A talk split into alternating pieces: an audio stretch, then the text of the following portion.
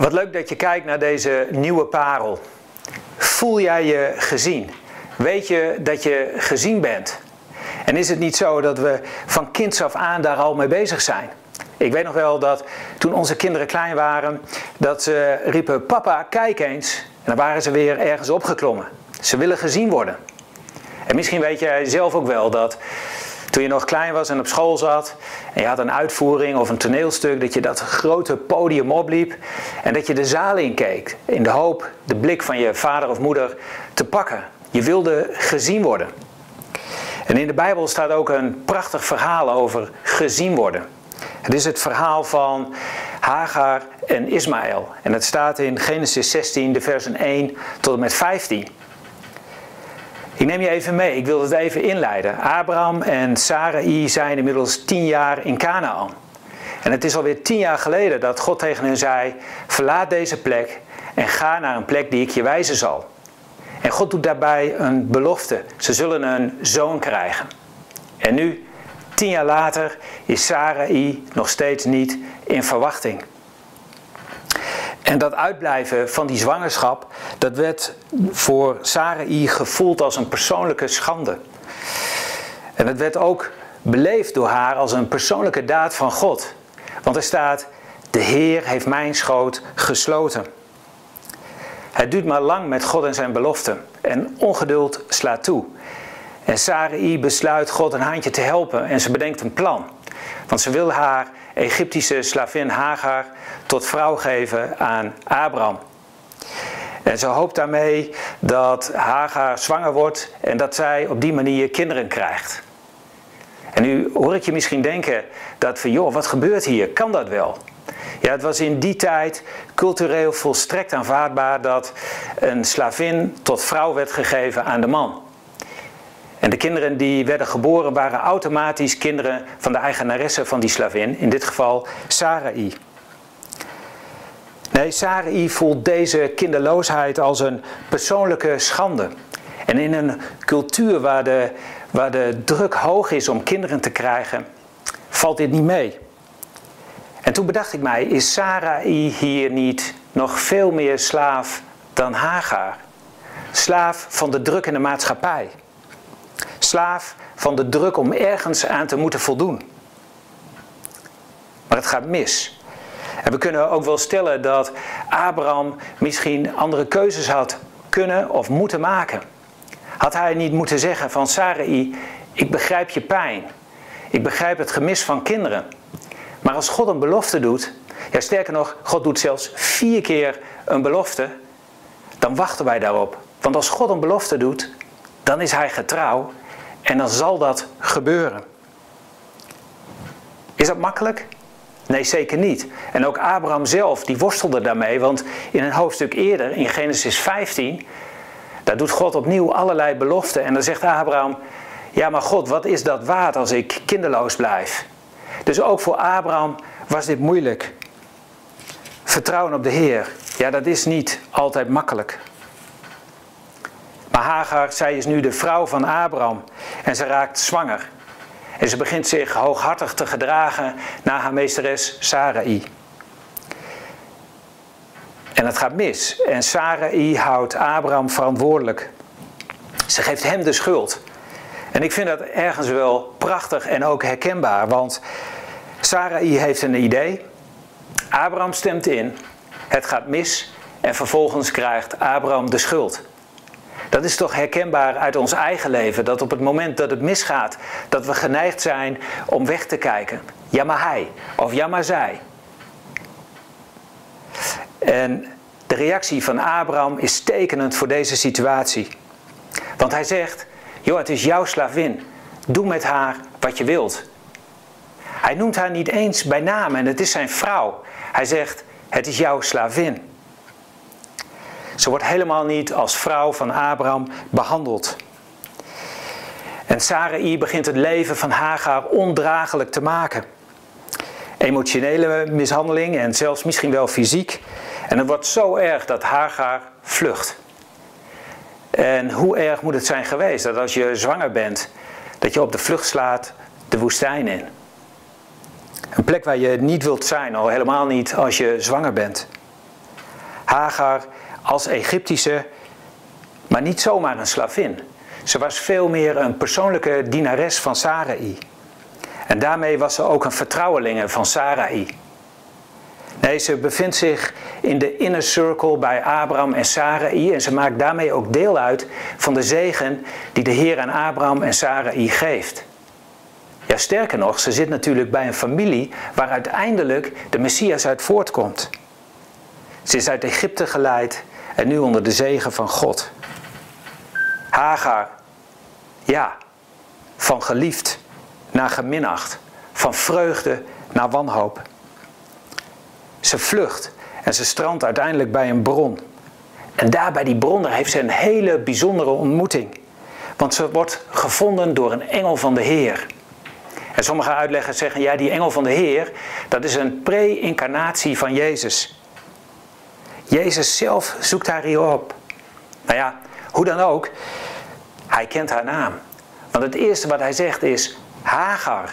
Daar waar Abraham over zijn vrouw praat als, ja, ze is jouw slavin, zo noemt deze engel van de Heer haar naam, haar identiteit, Hagar. Hij stelt twee vragen, een uitnodiging tot gesprek, kun je zeggen. Waar kom je vandaan en waar ga je heen? En het valt mij op, ze beantwoordt deze vragen helemaal niet. De eerste vraag, waar kom je vandaan? Ze zegt, ja, ik ben weggevlucht van mijn meesteres Sarai. Maar in deze vraag, waar kom je vandaan, zit veel meer dan je in eerste instantie zou denken. Het is een hele belangrijke vraag die wordt gesteld aan Hagar. En misschien wel aan ons. Want wat wordt er echt gevraagd aan Hagar en aan ons? Want de vraag waar kom je vandaan kan als antwoord krijgen: ja, ik kom van mijn werk of ik kom van huis. Maar deze vraag gaat veel dieper. Het moet worden gelezen als: waar ben je uit weggerukt? Waar ben je uit weggeleid? Wat heb je achter je gelaten? En is het niet vaak zo dat als we onder druk komen te staan, of als het leven tegenzit en ons niet brengt wat we eigenlijk zouden verwachten, dat we heel vaak teruggrijpen op oude patronen. Als we wanhopig proberen te breken met allerlei dingen in ons leven en het zit tegen, dan zijn we geneigd om direct terug te vallen in oude patronen. Maar vergeet nooit waar God je van losgerukt heeft. En vergeet ook nooit dat teruggrijpen op die oude dingen je niet verder helpt. Het brengt je niks. Maar door deze bijzondere ontmoeting bij deze bron zal het leven van Hagar nooit meer hetzelfde zijn. Losgerukt van haar verleden. En dan die tweede vraag: waar ga je heen? In combinatie met de plek waar ze gevonden wordt. Want ze wordt gevonden op de weg naar Sur. En Sur lag in Egypte. Dat was de enige plek die ze kende. En de vraag is dus, waar word jij uit weggeleid? Dat was uit Egypte een plek van gebondenheid, van duisternis, van slavernij, van afgoderij. Maar ze wilden juist terug naar deze plek omdat ze die kenden. Een plek van afgoderij en duisternis. Terug naar het oude vertrouwde. Hagar op weg terug naar het oude vertrouwde. Maar wij zijn helemaal niet gemaakt voor Egypte. We zijn niet gemaakt voor de duisternis. We zijn niet gemaakt om te leven met afgoderij of in gebondenheid. Nee, we zijn gemaakt om te leven in vrijheid, in openheid, in het licht. En in Egypte, daar is niets. En dan, dan die engel van de Heer die zegt: Ik geef jou richting. Ik geef jou een nieuw perspectief. Waar in ons leven hebben wij een nieuwe richting nodig? Nieuw perspectief. En richting, ja dat krijgt Hagar. Ga terug naar je meesteres en dien haar. Terug? Ik ben toch niet voor niets gevlucht? Weet je wel wat ik daar heb meegemaakt? Maar dat, ze kan terug. Want ze heeft God ontmoet. Zij weet nu dat hij haar kent. Hij heeft haar gezien en hij begrijpt haar. Hij geeft haar ook een belofte. De belofte van een zoon. En in die belofte ligt ook haar bescherming. Lees maar eens mee in vers 11. Daar staat: U bent nu zwanger en u zult een zoon baren en hem Ismaël noemen, want de Heer heeft u verhoord in uw ellende. Ismaël, het betekent God hoort of God is getuige. Het is niet voorbij, het is niet hopeloos. Op dit moment wordt haar hoop hersteld. Hagar, vluchteling, helemaal niet op zoek naar God. Uit een cultuur weggerukt, vol van afgoderij, duisternis en gebondenheid. Maar keer op keer openbaart God zich aan haar. En dan dat prachtige stukje waarin Hagar God een naam geeft. Zij noemt hem El Roi, de God die ziet, of de God die mij ziet. Maar nog specifieker, Hagar ziet nu dat God haar ziet. Het gaat hier niet direct over een God die ziet, of een God die zorgt, of een God die liefde is. Ja, ook.